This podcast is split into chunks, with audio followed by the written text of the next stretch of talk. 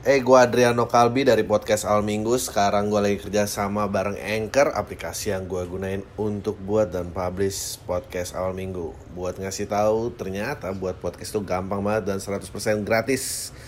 Semua yang kita perluin untuk buat podcast juga ada di Anchor, termasuk distribusi ke Spotify dan platform podcast lainnya. Yuk, download aplikasi Anchor dan bikin podcast kamu segera.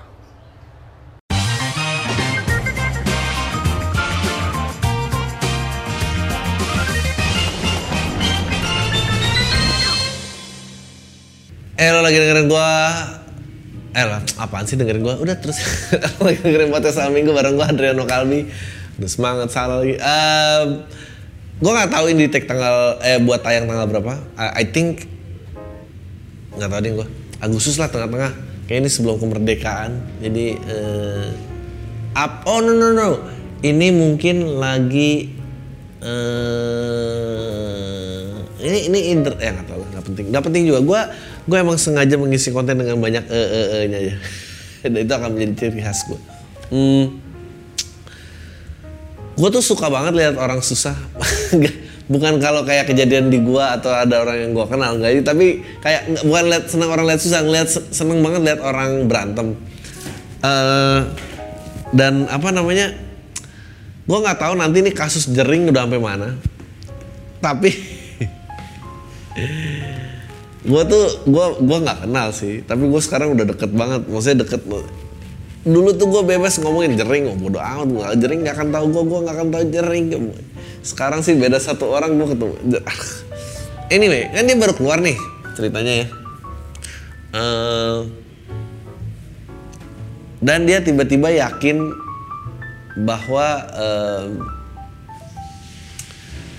selebgram yang dicentang, selebgram yang dicentang, termasuk gue, itu yang nggak mungkin lah, termasuk gue. Itu uh, ada persamaan pattern, uh, apa namanya, ada persamaan pattern, abis foto-foto liburan, pulang masih tes covid, apalagi pulang dari Pulau Dewata. Nah katanya ini adalah uh, apa dibilang? Ini tuh makin mematikan Pulau Dewata makin nggak ada yang mau ngunjungin gitu loh. Lu kayak bikin mati semua orang. Waktu itu uh, dan dia percaya bahwa jangan-jangan ini uh, buzzer-buzzer covid gitu terima duit dari covid. Ya ampun lucu banget. Dan yang gue lucu adalah dia beneran percaya loh gitu kan. Dia beneran percaya kenapa sih kan dia udah panas banget? Panas nih pasti ada. Eh, ya kalau pikiran tuh hanya sibuk menjadi selebgram emang uh, semua orang tuh dianggap buzzer ya meskipun itu penyakit. Tapi padahal kan gue berat gue ini doa gue buat dia semoga semoga ketemu apa yang dia cari. Jadi emang karena kalau dia nggak ketemu apa yang dia cari dia jadi anak kecil yang mainan lo ambil jadi paling sedih tau lo dia, dia percaya akan sesuatu terus tiba-tiba nggak ketemu ya. Mendingan dia ketemu biar seneng siapa tahu dia berhenti daripada kayak gini. Mau ngomong apa? Dia percaya dia mulai ngedem-demin orang yang eh jangan ini. Nah terus dibahas tuh di Dokter Tirta sama Deddy Corbuzier. Dibilang enggak ini gaya komunikasi jering semua akan dipaksa ngeliat dia bahwa lu lihat nih Bali sekarang Bali mati kan. Menurut gua sih jering nggak sekomplek itu. Menurut gua dia beneran percaya konspirasi-konspirasi ini. Nah akhirnya ternyata dia mesti dipanggil nih 26 Juli ini di, di tanggal ini produksi uh, ke Polda DKI gara-gara dia aduh lu harus follow deh akun ini. Menurut gua lu follow sih biar lu tahu.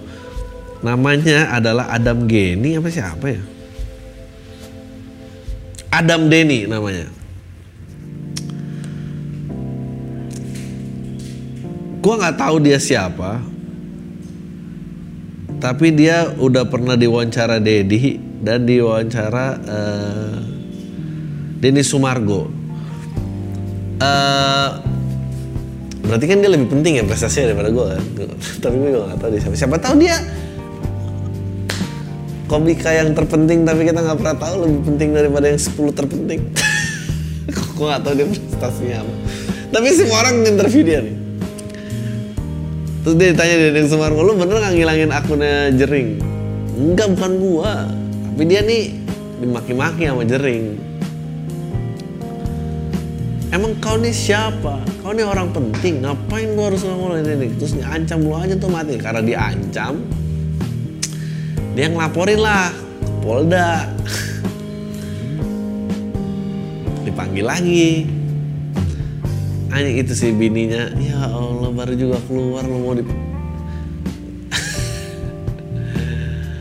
aku nih kamu anggap apa? Kata-kata aku nggak ada yang kau dengarkan. Apa ini? Saya nih ninggalin keluarga saya demi kamu ya karena beda ras. Gue berasumsi kalau orang beda ras itu pasti nggak disetujui sama orang tuanya. Uh, terus? Pokoknya sebelum dia laporin lagi akun Instagram jering hilang. Terus dia lah yang dituduh lo yang enggak gue nggak ngilangin sumpah. Terus dia ngadu nih ke polisi akun Instagramnya hilang. Ya menurut gua nggak ada lagi yang lebih menjadikan daripada anak pang yang tiba-tiba ke polisi bilang Instagramnya hilang. Ya ampun anak pang tuh mesti nggak percaya polisi. Boro-boro main Instagram ini ngelaporin Instagramnya dia yang hilang ya ampun. Pak saya yang kemarin keluar pak. Saya beli kemarin keluar. Ada apa nih? Saya bisa bantu apa? Ada yang hilang? Ya ada apa yang hilang? Apa yang hilang? Mobil? Bukan. Motor? Bukan pak. Harta? Uang? 500 juta? Bukan. Akun Instagram ya saya beneran ya harus tulis ya beneran pak. Emang saya bercanda mukanya? Ya nggak tahu. Saya kira anda nggak main Instagram. Pak model kayak anda ini biasanya ngelem dan tiduran di jalan. Ya anak pak menurut gua ini tuh jadi drama ya nggak habis. Habis gue gue gue agak sedih karena uh, dramanya udah mulai hilang. Karena ini salah satu penyegaran timeline gue. Uh, daripada gue pusing berita kematian dan pengumuman ppkm kapan lagi mendingan ngeliatin si orang ini aja. Nah terus dia tuh Instagram hilang udah baca dibikinlah akun Instagram lagi yang baru. Ya udah, udah kayak ABG Ting Ting punya second account buat apa uh, anjing lu tau ya dari omongan ABG Ting Ting tuh yang ngomong pasti udah tua. Gue sih kalau Instagram gue hilang ya ya ya enggak sih karena gue butuh. Tapi kan lu nggak butuh kan lu anak pang anak pang sedih banget masa harus terima endorsan di Instagram? Anjing lu anak pang tuh sejatinya anti establishment apaan malah kayak begini Terus ternyata sekarang dia covid ya. Gua, akhirnya teori gue patah juga orang yang cuek tentang covid gue kira nggak covid ternyata covid juga. Menurut gue dia nggak mau cabut si Adam gini ini nggak mau cabut tuntutan karena uh, ya ya dia dihina dan keluarga diancam ya ya lo mau ngomong apa gitu itu cuma detik-detik ya jangan itu komen itu jangan dibalas ya biarin aja dia ngapain sih kalau gue katain keluarga? Emang dia mau ngapain? Ngadu polisi? Nggak mungkin. Anjing lapor polisi. Ya nggak mau ditangkap lagi dia nggak tahu dia jadi diperiksa apa nggak. Uh, akhirnya covid. Ini anjing lucu banget nih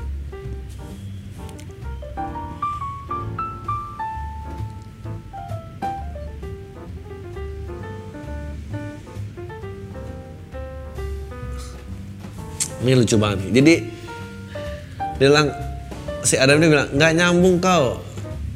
Antangin JRX ya ampun. Orang nanya apa kau jawab apa? Malu ya kau nggak berani ngaku depan publik kalau kau kena covid? Tidak. Apalagi alasan kau cong. C19 nggak bahaya nalarmu jalan. Oh jadi sa jadi beneran ya kau positif covid? Sama dong kita. Info sudah keluar belum? Kan kita berdua di endorse covid nih. Ya sama kayak kau kena covid tapi nggak mau ngaku. Balas lagi. Kapan saya nggak ngaku? Sudah jelas saya bilang keluarga saya usia 60-an tahun agak obesitas dia kena C19 apa sih bedanya C19 eh, oke lah. COVID-19 saya bawa ke klinik ditangani 3 jam sembuh sampai sekarang. Esoknya saya kena semua gejala yang dirasakan keluarga saya tersebut. Saya cuma istirahat di rumah meski demam luar biasa tapi saya baik-baik aja. Entah apa yang akan terjadi kalau saya panikan lalu membabi buta memenuhi RS karena terlalu takut akibat berita-berita MSM padahal Jokowi bersabda. Oke. okay. Dia akhirnya kena covid nih. Dipanggil katanya uh, terkendala riwayat kesehatan JRK tidak bisa penuhi panggilan Polda Metro Jaya terkait laporan. Uh, udah kayak terus orang ini sampai di blok ini mainnya blok kayak perempuan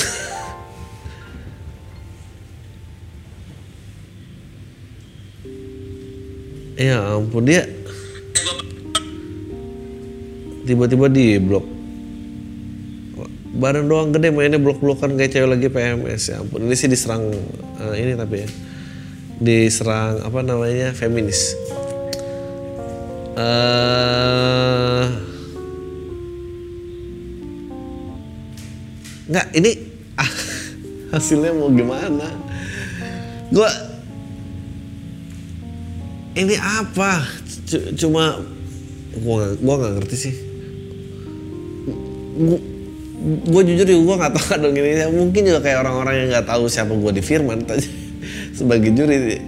Ya emang sebetulnya nggak apa-apa. Emang banyak orang yang nggak tahu tapi gue nggak pernah sok tahu kayak dia siapa anjing nggak lucu. Dia nggak penting. Um,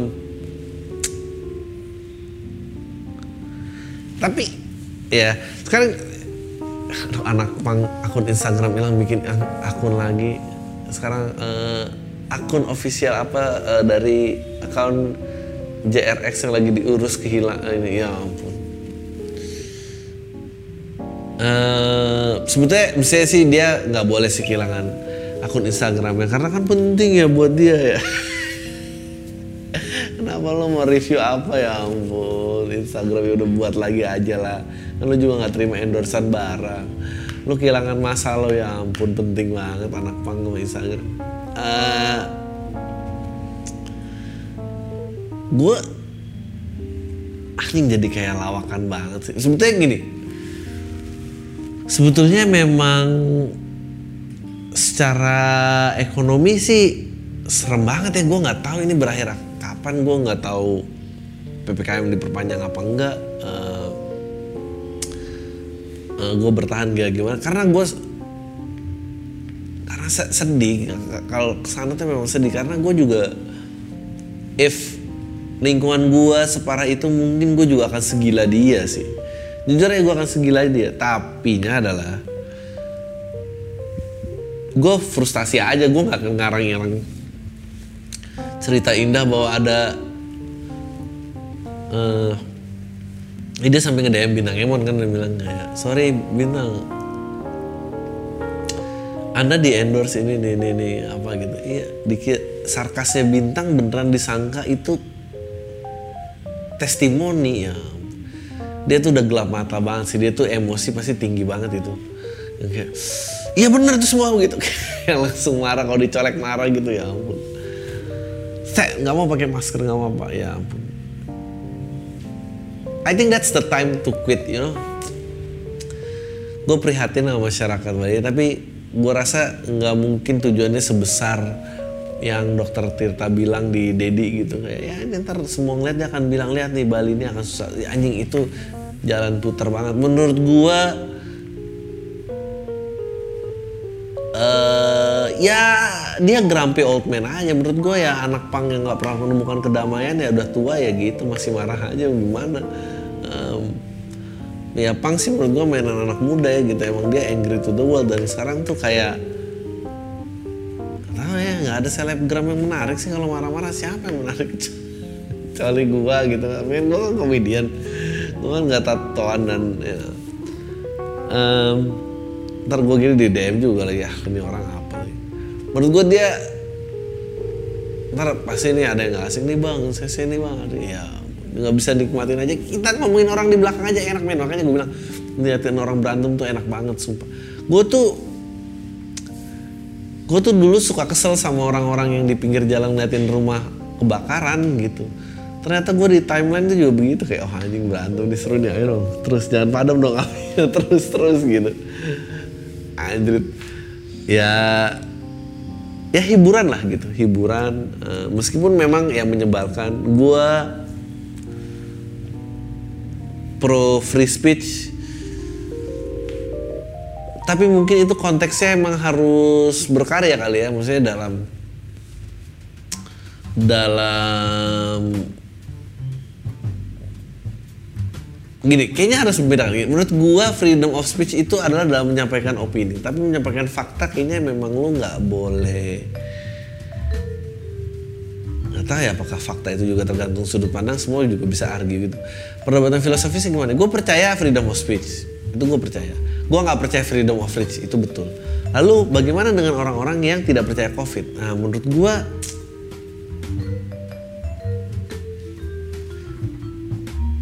menurut gue sih ya memang cek gitu ada matinya dulu san. Menurut gue sih itu kan tanda-tanda keberadaban ya dan itu hanya bisa diraih setelah lu makmur. Kalau di zaman batu dan cuma bapaknya yang tahu cara berburu yang lainnya nggak boleh berpendapat sih. Jadi emang udah bapaknya aja yang ngelit gitu. Sampai dia makmur baru semua bisa menjadi individu. Um, gue nggak tahu apa yang emang diagendakan gitu ya. Sebetulnya dua-duanya sama-sama annoying sih. Satu annoying karena lo nyebarin fakta yang enggak-enggak kedua uh, apalagi kalau ternyata lo punya goal besar di belakang kenapa nggak itu aja yang lo suarakan gitu? Betapa susahnya uh, hidup di pulau tersebut gitu. Um, masyarakatnya bergantung 80% uh, dari tourism gitu. Kenapa nggak itu aja yang diangkat dan gimana caranya? Itu menarik simpati. Apa karena dia musisi jadi dia bikin sesuatu exaggerasi yang yang yang berlebihan gitu dia nggak berekspresi menurut gue sih dia emang ya hampir sedeng aja. Nah yang gue bingung lagi adalah kenapa itu nggak dikeluarin? Jadi biar orang-orang tuh benar-benar tahu itu masalahnya. Kalau sekarang lo emang jadi kayak orang gila sih gitu loh. Lo orang gila yang uh, ya bingungkan aja sih gitu kasihan gue bukan kasihan sih lucu malah sebetulnya. Dan terus tiba-tiba ada satu orang yang pengen ngaduin lo aja. Ya gue nggak tahu orang ini siapa tapi kayak dia orang yang berbahaya. Um, kayak dia punya jasa-jasa cari identitas orang ya ampun pasti ketemu kalau hilang. Um, gue juga nggak bisa bilang orang itu salah karena JRX nggak lagi bercanda. Kalau JRX lagi bercanda gue mau belain. Tapi kalau emang dia membeberkan fakta yang salah ya harus salah sih gimana ya? Oh ya nggak tahu lah. Eh udah berapa menit ya? 18 oke mantap. Langsung aja lah ini capek gue ngomongnya. Eh ada lagi nggak ya? Berita bentar bentar bentar bentar bentar, bentar.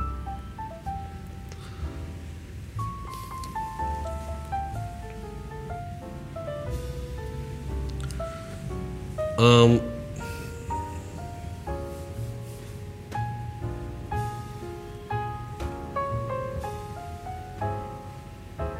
uh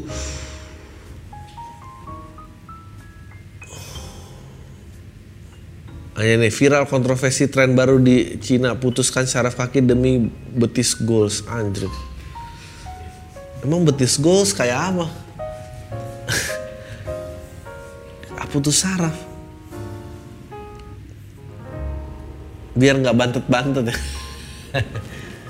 Ini kasihan banget.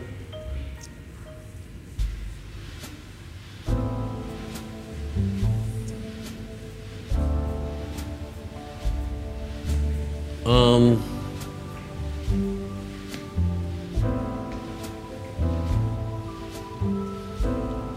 Anjing viral tunanetra didenda karena masker melorot perekam video saya minta maaf. Ya ampun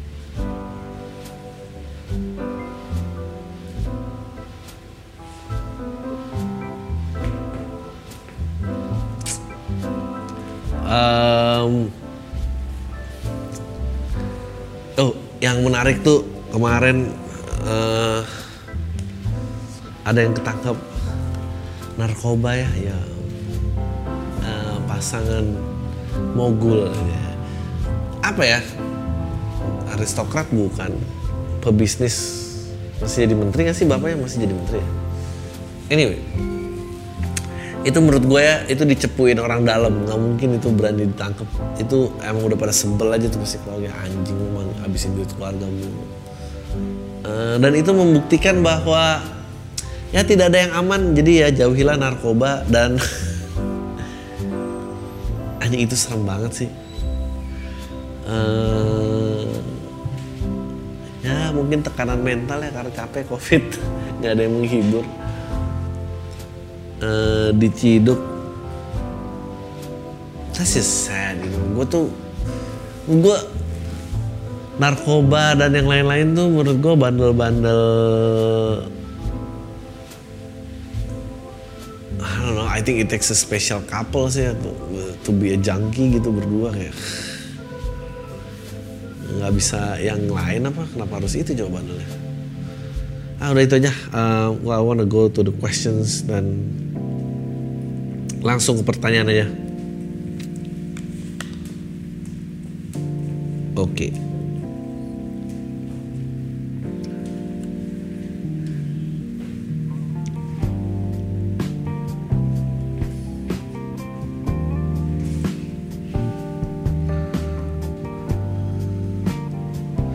Sulit dapat gebetan padahal pengen move on. Halo gue pria 20 tahun, ya udah kerja setahun tapi sekarang nganggur bantuin kerjaan ortu. Sekarang pengen cari pasangan buat gue nikahin tapi sulit banget cari pasangan. Sering suka sama cewek tapi nggak pernah bilang karena dulu pernah deket dengan cewek tapi gue tinggalin karena mau serius kuliah dulu. Pas deketin dia lagi tapi nggak mau. Mungkin karena udah telanjur ke cewek goblok. Dan gue mau lupain dia bang karena udah dilamar orang tapi sepertinya belum nikah sampai sekarang. Menurut lo gue sampai sekarang gue belum hubungi lagi. Menurut lo gue harus kejar dia lagi atau lebih baik cari cewek lain? Ya lah cari cewek lainnya ada nggak? Kalau nggak ada ya yang ada aja. Uh, ya kejar aja apa yang ada. Maksudnya gue ya kalau masih kepikiran mumpung belum dikawinin orang. Tapi gue yakin sih lo kecewa lagi. Jadi mau nggak mau. Ya coba aja dulu lah lo mau jadi orang penakut. Amat tuh 27 tahun penakut tuh gimana sih ceritanya? Apakah karma beneran ada? Oke. Sensor nama gue bang. Ya Gua aja tuh cuma om-om kaos putih lo lagi lo siapa? Lagi gua. Salam dari Pekanbaru mendengar pam dari zaman susah dulu sampai sekarang alhamdulillah udah jadi PNS. Wow. Dengan tunjangan terbesar kedua di Indonesia. Kenapa anda cerita-cerita ini nggak takut diperiksa KPK apa gimana? Gue pengen cerita bang. Jadi gue punya temen deket cewek yang gue udah kenal dari tahun 2018an kita deket banget dan saling sayang-sayangan tapi nggak ada status pacaran karena gue sama doi satu pemikiran. Kalau kita udah sama-sama dewasa jadi nggak perlu lah pakai status pacaran gitu. Yang penting kita saling sayang dan komit aja sampai menikah. Nanti kita nggak pernah sekalipun having sex. Karena doi bilang masih virgin. Dan oke okay, gue nggak bakal sentuh kalau emang itu prinsip yang dia pengen teguh. Karena nggak ada apa saya sih gue cari pelarian dengan beberapa FWB-an anjing lah yang sampai tanpa sepengetahuan doi bang. Kemudian akhirnya 2020 gue terima CPNS dan ditempatkan di kabupaten yang jaraknya 3 jam dari kota Pekanbaru. Karena itu kita mulai renggang soalnya doi bilang kalau kita nikah doi nggak mau tinggal di sana dia pengen tetap di Pekanbaru. Sementara gue bilang kalau kita nikah ya harus pindah dengan gue dengan ego gue bilang sama doi ya udah kita mungkin emang nggak jodoh karena bodoh banget rasanya nggak kesempatan CPNS cuma gak itu gara-gara ngikutin dia bang ego dia bang oke okay. namun kita tetap komunikasi walaupun nggak seintens dulu. Gue tiap kembali ke baru selalu jumpa dan gue selalu ngerasa emang sayang banget sama dia dan kalau gue nikah ya memang she's the one. Tapi dalam sebulan belakang ini gue ngerasa dia berubah drastis bahkan pas hari ulang tahunnya dia nggak mau dijumpai gue sampai akhirnya weekend ini kita ketemu dan Joey jujur kalau selama kita renggang 6 bulan ini doi ada deket sama cowok Chinese yang janji buat nikahin dia sampai sampai si cowok ini mualaf dan langsung disunat. Apa apa? Kamu ganti agama? Apa? Ya sunat. Aku juga mau yo. Uh, aku nggak mau nggak mau. Kenapa beda agama? Nggak belum sunat ya. Sedih banget. Untuk seorang perawan dia tahu banyak ya pengen kriterianya kayak apa. Nanti gue jahat banget ngatain orang. Ah, waduh. Oke. Doi mau Namun cowok itu malah ninggalin Doi karena selingkuh sama cewek lain yang Eh, gue Adriano Kalbi dari podcast Al Minggu. Sekarang gue lagi kerja sama bareng Anchor, aplikasi yang gue gunain untuk buat dan publish podcast Al Minggu. Buat ngasih tahu, ternyata buat podcast itu gampang banget dan 100% gratis. Semua yang kita perluin untuk buat podcast juga ada di Anchor, termasuk distribusi ke Spotify dan platform podcast lainnya. Yuk, download aplikasi Anchor dan bikin podcast kamu segera. Bikin gue hancur bang, karena kemakan janji busuk doi itu sempat doi sempat hesek sama cowok itu. Ya ampun.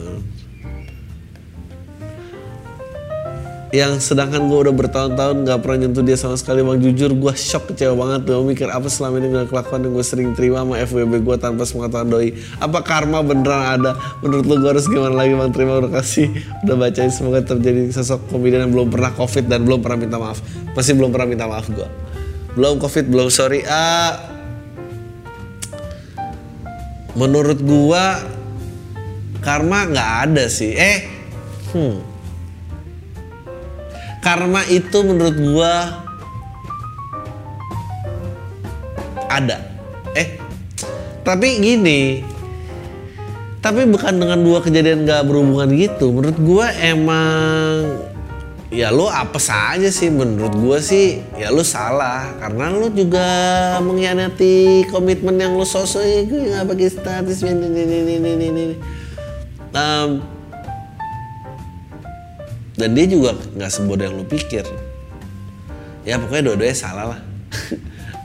Tapi apakah dia itu karma lu? Bukan sih menurut gue ya lu emang nggak tahu ya karma tuh ada apa nggak ya? That's a good question. Gua rasa sih sebetulnya nggak ada sih menurut gua. Menurut gua sih ya dunia ya begitu aja. Terkadang nggak ada makna apa apa di balik sesuatu yang menyakitkan sekalipun. Itu semua hanya rentetan peristiwa sampai kita ke yang mata ya. Ah, ya gitu. Menurut gua ya lu gue nggak ngerti ini ngomongin ego cowok ya gue nggak ngerti kenapa lo merasa dirugikan. Karena menurut gue ya lo salah juga. Jadi kenapa lo harus playing victim sih? Memvictimize diri lo sendiri ngapain? Oke selamat pagi siang sore malam mbak Adri. Jadi ceritanya awalnya temen gue pinjam duit buat main slot. Sampai setelah beberapa minggu dan karena gue lagi butuh akhirnya gue minta duitnya dibalikin dan karena gue habis kontak sama orang positif covid gue nggak bisa nemuin orang. Akhirnya gue kasih nomor rekening gue buat dikirim situ. Awalnya dia minjem gue kasih cash. Akhirnya balikin lah tuh duit. Selang dua hari kalau nggak salah temen gue ngechat lagi bilang kalau dia daftar nomor rekening gue buat main slot dan jackpot. Gue yakin ini kalau nggak jackpot dia nggak bakal ngomong gini udah daftar pakai nomor rekening gue bang setelah udah nggak diizinin sekarang minta duit jackpotnya karena gue nggak ada m banking akhirnya dia ambil tuh duit ke rumah gue dan tanya lagi karena ternyata gue nggak positif. Ternyata gue nggak positif. Jadi dia aman-aman ambil duit cash ke gue dan hari ini dia WhatsApp buat minjem duit lagi dong. Saran gue ngadepin temen kayak tai gini gimana? Ya menurut gue ya ganti temen aja lah. Mau diapain lagi? Uh, emang udah ya begitulah adanya uh, ya judi gue gak ngerti sih kalau judi tuh uh, tapi ya lu itu temen lo apa bukan sih? Menurut gue kalau emang ya bukan temen lo eh gue mau ngomong gue tiba-tiba lost track. Ini kebanyakan ngomong sendiri jadi kayak gini. Dia menurutnya temennya brengsek apa nggak? Menurut gue sih ya lo nggak mau repot buat temen lo aja sih. Ya emang repotin sih bilang minta bagi aja lah udah minta bagi biar cincai suka sama sahabat Bang, gak usah sebut emailnya bang. Saya mahasiswa semester 5 di salah satu kampus swasta di Jogja. Awal mulai berinteraksi sama sahabat saya tuh di semester 1 bang. Tapi masih sama saya masih punya pacar LDR ceritain nah hubungan saya sama pacar saya ini udah mulai renggang bang. Eh terus putus berapa bulan ya. Awal mulanya sih bisa berinteraksi sama sahabat saya itu karena tugas. Tapi karena dia orangnya nocturnal jadi seringan ngerjain tugas tengah malam berjalan waktu dia mulai perhatian sama saya bang. Bukan karena suka emang dia orangnya perhatian aja dan saya yang jarang dikasih perhatian jadi mulai terus ngerasa spesial di matanya bang. Ya terus hubungan masih normal sampai dia punya pacar. Pas punya pacar sih nggak tahu ya pas putusnya. Soalnya saya tipe orang pendengar jadi saya jadi dia sering curhat ke saya bang. Tiap hari nangis terus saya di sini udah pede karena bakal bisa nyembuhin lukanya eh malah beberapa bulan dia banyak yang deketin Nah setiap dideketin orang dia pasti cerita ke saya. Semua yang ngedeketin dia pasti cerita. Minggu lalu dia cerita bahwa dia lagi deketin sama cutting gitu. Dia bilang katanya ini tipe cowok yang dibutuhin seketika hancur bang rasanya goblok banget ya saya harus kuat nahan sakit pas dia cerita gitu apalagi pas dia cerita dan minta tanggapan saya harus pura-pura senang sambil ngasih tanggapan yang logis biar nggak kelihatan cemburu dan tanya lagi. Dia kemarin sempat bilang sayang ke Kalting ini. Sumpah waktu itu nggak bisa nutupin kesedihan bang. Untung cuma video call nggak ketemu langsung. Ya udah bang gitu aja. Eh by the way dia sama saya ini deket bukan karena tugas lagi udah jadi kebutuhan dia aja. Tapi nggak deket sama kayak ada yang hilang aja. Tapi udah cuma sahabat sahabat aja tai lah. Bego lu kenapa nggak bilang aja sih bahwa ya udah gitu? Uh, uh, ya lu suka gitu sama dia gimana sih? Mau dilewatin aja. Cutting apa sih? Gue nggak ngerti tadi.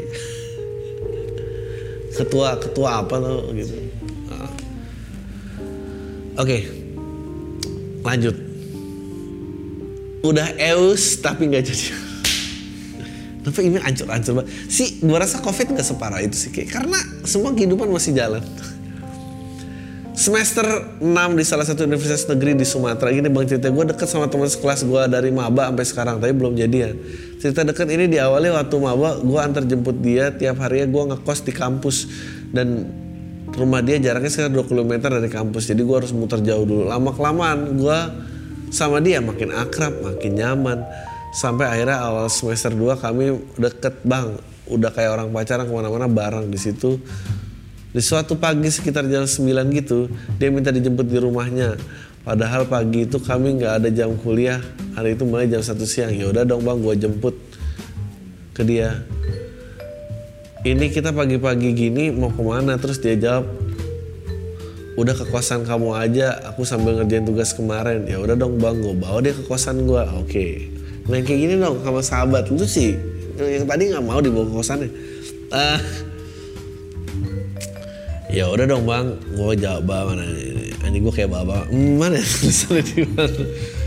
Kosan kamu ya udah bang ke kosan ngerjain tugas ya udah dong bang gue bawa dia ke gue udah berapa kali juga dia mampir kosan gue setelah sampai kosan gue kita langsung ngerjain tugas nggak sampai 30 menit.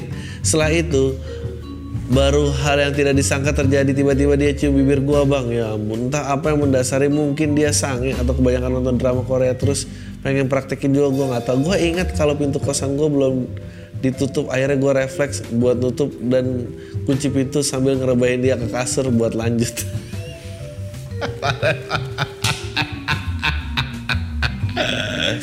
Kenapa adegan itu nggak pernah ada di film ya? uh, dia kayak baru pertama ngelakuin kayak gitu lah oke ini gue nggak usah banyak gue ngerasa bersalah banget karena udah ngilangin keperawanan ini menarik. Dia tapi habis itu pikir-pikir yang dia mulai ya terus juga abis ngelakuin dia nggak ada nyesel-nyeselnya. Abis kejadian kami kita jalan kayak biasa. Makan bareng berangkat kuliah bareng. Cuma bedanya cuma dia yang di, yang jemput gue di kosan karena dia punya motor baru ya ampun. Jadi ke mana-mana pakai motor dia oke. Okay. Setelah tiga bulan, sekitar tiga bulan setelah itu gue mencoba nembak dia bang, eh ternyata ditolak karena beda agama. Iya, kata dia lebih baik kita gini aja nggak usah jadian. Toh agama kita beda ya nggak mungkin kita jenjang lebih serius. Ya udah.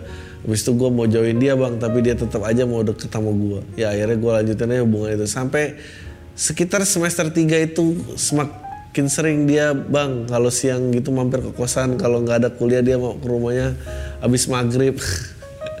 Sampai pada akhirnya corona awal-awal melanda pulang ke rumah dan udah nggak ke kos lagi udah jarang ketemu. Paling cuma cetan doang. Rumah gua sama rumah dia kalau dihitung-hitung jaraknya ada 70 kilo anjing.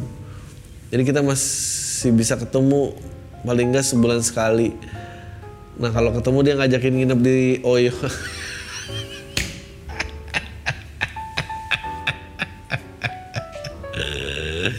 jadi seolah-olah dia ngajak gue lagi sangin oh gue laki normal gue seneng aja. Tapi kalau mau sampai kapan gue begitu terus gue Juli ini belum ketemu dia bang. Dia bilang kangen ya. Pertanyaan gue bang apakah gue lanjutin hubungan gak jelasin selama gue pernah menjawab buat cari yang lain? Makasih bang. Ah, menurut gue ya lanjutin aja sampai nggak kuat ini sih pasti jelek banget nih putusnya. Um, itu pasti jelek banget. Lu pasti bakal bunuh-bunuhan banget sih. Uh, ya sampai capek aja gila itu 70 kilo sih naik motor sih lumayan tuh ya lawan angin nggak kerokan dulu di Oyo apa gimana oke Halo Bang Adri, gue pernah kirim cerita pengen berhenti FWB-an dulu cie. Gue emang udah putus sama dia tapi sekarang gue justru deket banget sama tetangga apartemen gue. Ya kita swipe saling swipe kanan di aplikasi laknat Oke Cupid ya. Awalnya masih kirim pesan, biasa sampai dia minta ketemu di tangga darurat, dia curhat lagi sedih. Intinya gue tahu dia lagi sange aja karena anjing pandemi banyak yang sange.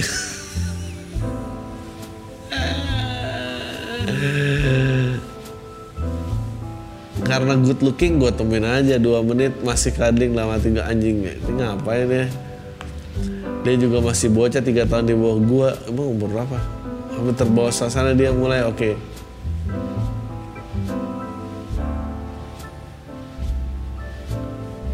Ini cewek apa cowok sih? Uh, lima menit. Oke. Okay. setelah itu dia bilang thanks dan turun ke bawah. Gue balik ke unit gue beberapa hari gue Adri gue balik ke Indonesia atau pindah ke Pluto? Karena kita satu building. Dan mulai sering ketemu dia masih sering kirim gue pesan dan mulai berani sekedar nungguin gue pergi turun ke bawah beberapa hari gimana cara ngomong yang elegan ke dia kalau yang kemarin tuh gue cuma lagi gabut dan gak pengen ada kelanjutannya. Lu cewek anjing keren banget ini. Uh, bilang aja eh sorry jangan baper ya. Kemarin ya ya buat kenangan kamu aja lah mau gimana. Ini kalau gue buka emailnya pasti semua orang kayak bang gue mau dong bang kenalin yang itu ya ampun. Uh, lo perempuan lebih tua dia tiga tahun di bawah lo ya ampun. Intinya sedih aja anjing. ini ini gue suka nih perempuan yang kayak gini independen gitu. Dia own up sama dirinya gue dia masih sering kirim gue pesan mulai berani sekedar nungguin gue pergi turun ke bawah. Ya ampun. Gimana caranya ngomong yang elegan ke dia? Kalau kemarin gue cuma lagi gabut dan gak pengen ada kelanjutannya. Ya menurut gue cara ngomongnya adalah pas ketemu ini boleh gak sih nggak nungguin gue gini lagi? gituin aja nggak ada cara yang elegan sih. Uh, kemarin cuma lagi nggak ada kerjaan aja dan ini, kayaknya kita nggak usah dilanjut menurut gue sesimpel mungkin dan dan se-straight mungkin. Jangan kayak oh iya ini nggak usah jangan jangan. Langsung uh, kan kemarin udah ya jadi ya udah aja gitu. Gue sih nggak pengen ada kelanjutan apa apa udah pada gede-gede tapi dia lebih kecil ya dia mungkin bisa meronta-ronta tuh tapi ya ya udahlah itu di jalan itu segitu aja set udah nggak usah ketemuan lagi gitu. Tolong daripada saya panggil security gitu. Mau diapain lagi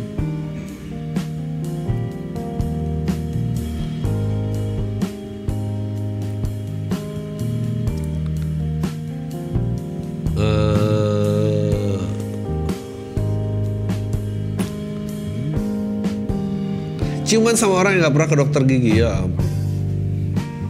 mau gue mau nanya apa pernah itu sama orang yang gak pernah ke dokter gigi buat perawatan? Entah sekedar scaling atau cuma gitu ya tapi cuman tapi mau ciuman pasangan gue punya teman pas gue tanya nggak pernah ke dokter gigi buat scaling terus kalau dia senyum kelihatan gitu giginya kotor. Eh kalau ngomongnya mulutnya bau anjing ini cewek tapi ceweknya mau ciuman sama dia anjing gue ngebayangin aja pengen muntah.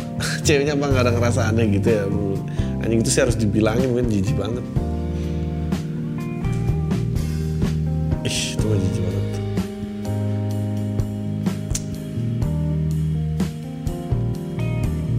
Anak-anak apa remaja? Umur 15 tahun. Ya ampun. Ngapain sih anak umur 15 tahun? Udah mau gak jadi bacain lu anak umur 15 tahun mau nikah dipersulit ABG ya ini menarik nih. Assalamualaikum ya ampun. Dipersulit ABG lu pakai assalamualaikum bangsa gue mendengar pam dari 2 tahun terakhir gue gue daripada gue suka gaya ngomong lo dan cara lo nilai sesuatu mudah-mudahan lo sehat selalu oke. Okay. bang gue mau cerita sedikit ya soal hubungan gue sama pacar yang sekarang. Gue kenal dia lumayan lama sejak tahun 2020 gue awal gue kenal itu di tempat kerjanya yang kebetulan dia kerja di sebuah swalayan gak jauh dari rumah gue gue merantau ke Pekanbaru kerja di sebuah perusahaan ekspedisi awal tahun 2020 gue pulang kampung karena ada urusan keluarga. Pada saat itu gua dari Padang kota mau ke Pariaman. Eh nggak sengaja berhenti di Swalayan tempat pacar gua kerja sekarang. Kebetulan dia lagi ngasir gua kenalan aja tukeran kontak beberapa hari kemudian gua balik ke Pekanbaru. Pas nyampe ke Pekanbaru gua baru inget gua kenal sama cewek tapi belum gua chat. Pas gua chat orangnya asik tapi chat gua dibalas sama malam sama pagi sama malam doang soalnya dia kerja. Sebelum kerja disempetin balas habis pulang cie sempetin balas aja oh, nelfon cuma batasnya sampai jam 9 malam karena dia nggak mau. Muka dia jerawatan katanya begadang capek ya Allah tapi gue ngerti mungkin dia capek juga. Gue sabar aja di situ. Gue usaha terus dalam hati jual mahal banget nih si cewek. Seiring berjalannya waktu bulan puasa tahun 2020 dia bikin instastory sama cowok gitu. Terus gue tanya cowok itu siapa? Itu pacar aku. Gue langsung kaget dan gak mau ganggu dia lagi. Tapi tiap bikin gue instastory di selalu di reply. Tapi gak gue tanggepin gue lagi dan gue nyari yang lain sampai gue download dating app dan terus kenal cewek dari sana. Sehingga cerita gue dan cewek sebelumnya ini dia tahu gue punya pacar sampai bulan September 2020 gue putusin karena dia nggak jujur pas gue pas gue putus cewek yang gue udah kenal dari kampung chat oh pas gue putus cewek yang gue kenal dari kampung chat pas lagi dia cerita kalau udah putus dan gue agak gimana seneng ada sedihnya. Nyet ini susah banget sih dibacanya. Pakai spasi nama pakai enter gitu. Nggak ada ada senang dan ada sedihnya karena gue habis putus juga dan gue chatan sama dia dan gue sempat bingung dan gue ghosting dia selama dua bulan tapi dia masih care sama gue sering chat tapi gue nggak gue tanggepin tapi gue bilang gue mau pulang kampung Januari dan akhir tahun 2020 gue disindir terus lah snap WA nya. Yang Januari apa kabar? Terus gue merasa disindir gue mutus buat bilang story dia buat balas story dia. Hah? merasa disindir dan gue mutusin buat balas story dia. Oke. okay sampai Januari awal gue bilang gue sayang sama dia dan dia bilang sayang juga. Situ kita jadian. Akhirnya pacaran gue dan gue resign dari kerjaan yang jenuh tambah gue fokus sama cewek. Ya sekarang karena gue nggak sanggup LDRan ya ampun. Abis itu gue dikenalkan keluarganya ibunya restu dan suka sama dan ayahnya udah almarhum tapi dia punya abang nggak suka sama gue ya. Lantaran gue nggak ada pekerjaan emang susah buat nyakin ABG dia soal oh abang. Ini abang? Ya Allah dipersulit abang. Anjing nggak seru baca cerita lo coy. Gue kira lo kawin sama orang ada ABG ini ada abang yang nggak suka sama gue ya Allah. Oh Ya iyalah abang yang suka sama lo banget Dia bapaknya udah almarhum lo gak punya pekerjaan. Telepon sama gue sempat merasa bersalah tapi gimana? Lagi udah kebiasaan. Telepon abangnya marah-marah ngelarang adanya buat telepon sama gue selama dua bulan tapi gue nggak sanggup dan ngancam adanya kalau ngelanggar aturan yang dia buat dia bakal jodohkan. Gue pas bacanya shock tapi gue berusaha yakin cewek gue udah segitu aja capek ngetik pakai HP saya minta seorang sarannya dari Lord Adri lo ada darah Minangnya kan ya ya urusannya apa menurut gue ya lo cari kerjaan anjing gimana sih nggak bisa lah kayak gitu nggak bisa lah kayak gitu Gua kira jauh-jauh, ini ABG, wah seru nih orang udah tunangan digangguin amin. Ternyata abang dan lu pengangguran lagi, pantas aja abangnya marah. Berapa nih? Oke. Satu lagi. Halo Bang Adri, makasih udah dibuka emailnya. Dilema milenial agnostik di abad 21. Tolong samarin nama gua. Oke.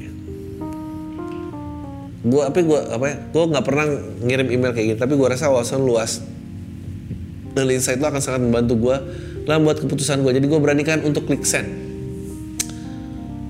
Uh, gue laki berusia 20 tahun yang baru menikah satu tahun lalu sampai saat ini belum punya anak. Oke. Okay. Gue lahir di keluarga Islam yang cukup liberal, sementara istri gue lahir di keluarga Islam yang konservatif. Gue dan istri gue sama-sama agnostik dan lebih tertarik ke filosofi Buddhism walaupun kami bukan Buddhis. Selama satu tahun pernikahan kami nggak pernah ada masalah yang signifikan. Sekitar satu minggu yang lalu masalah baru mulai muncul dari keluarga istri gue karena gue dan istri gue mengadopsi anjing. Bokap mertua gue marah besar di grup WhatsApp keluarga sebenarnya dia nggak marah langsung directly at gue dan istri gue. Metodenya lebih pasif agresif. Dia bilang cucu-cucunya harus hafiz Al-Quran karena kalau anak sudah dewasa dan gak dididik dengan baik dan lupa dengan konsep halal haram dan lebih baik dengan barang haramnya dibandingkan dengan orang tuanya. Shot fire at gue dan istri walaupun secara implisit. Oke, okay. pertanyaan gue bang, menurut lo lebih baik gue came out as agnostic at the cost of relationship gue dan orang tua dan mertua gue tetap berpura-pura menjadi muslim yang taat at ah menurut lo bang? Lebih baik gue came out as agnostic at the cost of relationship gue dengan orang tua gue dan mertua atau tetap berpura-pura menjadi muslim yang taat at the cost of your freedom. Sebagai pertimbangan bang salah satu alasan saat ini adalah kita belum mau punya anak karena kita bingung mau ngajar anak kita agama apa. Orang tua dan mertua gue menginginkan anak kita di sekolah ini sekolah Islam dan diajari mengaji dan lain-lain. Sementara gue dan istri gue udah sepakat hanya mau mengajarkan moral dan value. Gue yakin banyak milenial yang punya masalah serupa kayak gue semoga insight oke. Okay. uh, menurut gue adalah uh, yang harus lo lakukan pertama adalah lu potong semua support dari orang tua dan mertua lo. Gak boleh lo berdua harus as independent as possible. Menurut gue lo nggak usah keluar masalah agnostik nanti ntar orang pingsan gak kuat ya ampun. Lo tau gak sih orang tua lo tuh masih banyak yang masuk baru hidup fase-fase abis PKI gitu. dia masih suatu suatu awal terus lo mau ngajak ngomong soal agnostik ya ampun mati lah dia nangis dia nanti lo nggak usah ngomong kayak gitu tapi lo harus berani ini. Lo berdua harus berani ini. Pada saat seperti itu dan dia memaksakan apa yang jadi kehendak mereka di keluarga lo. Tapi dengan syarat lo harus putus ya semua support. Lo harus bilang gini. Gini loh. Kami ini nggak bercita-cita membuat keluarga yang seperti itu. Uh, tapi yang perlu didebat ya kalau nggak perlu debat sih lewatin aja eh, nggak uh, percaya kita mendingan berusaha mencari bersama kalau nggak kita selama lamanya lah akan bentrok gitu gituin aja. Uh, lo nggak usah pakai pidato besar bahwa ada perbedaan prinsip kita rencana ini. Nggak ngeri men ngeri men ngeri. Ngeri sama orang-orang yang istilahnya pertama-tama lahir tuh sisa-sisa PKI masih ada. Terus lo ajak ngomong per, problema di abad 21 nggak bisa men. Uh, ya udah gitu aja lo sama istri lo. Ya jalanin hidup tiap hari aja dan nggak usah rungsing tapi dengan catatan lo harus cut semua support mereka. Lo harus bisa berdiri atas value. Dan menurut gue itu hidup yang paling bahagia. Ah udah itu aja dari gue. Tanya lu semua deh.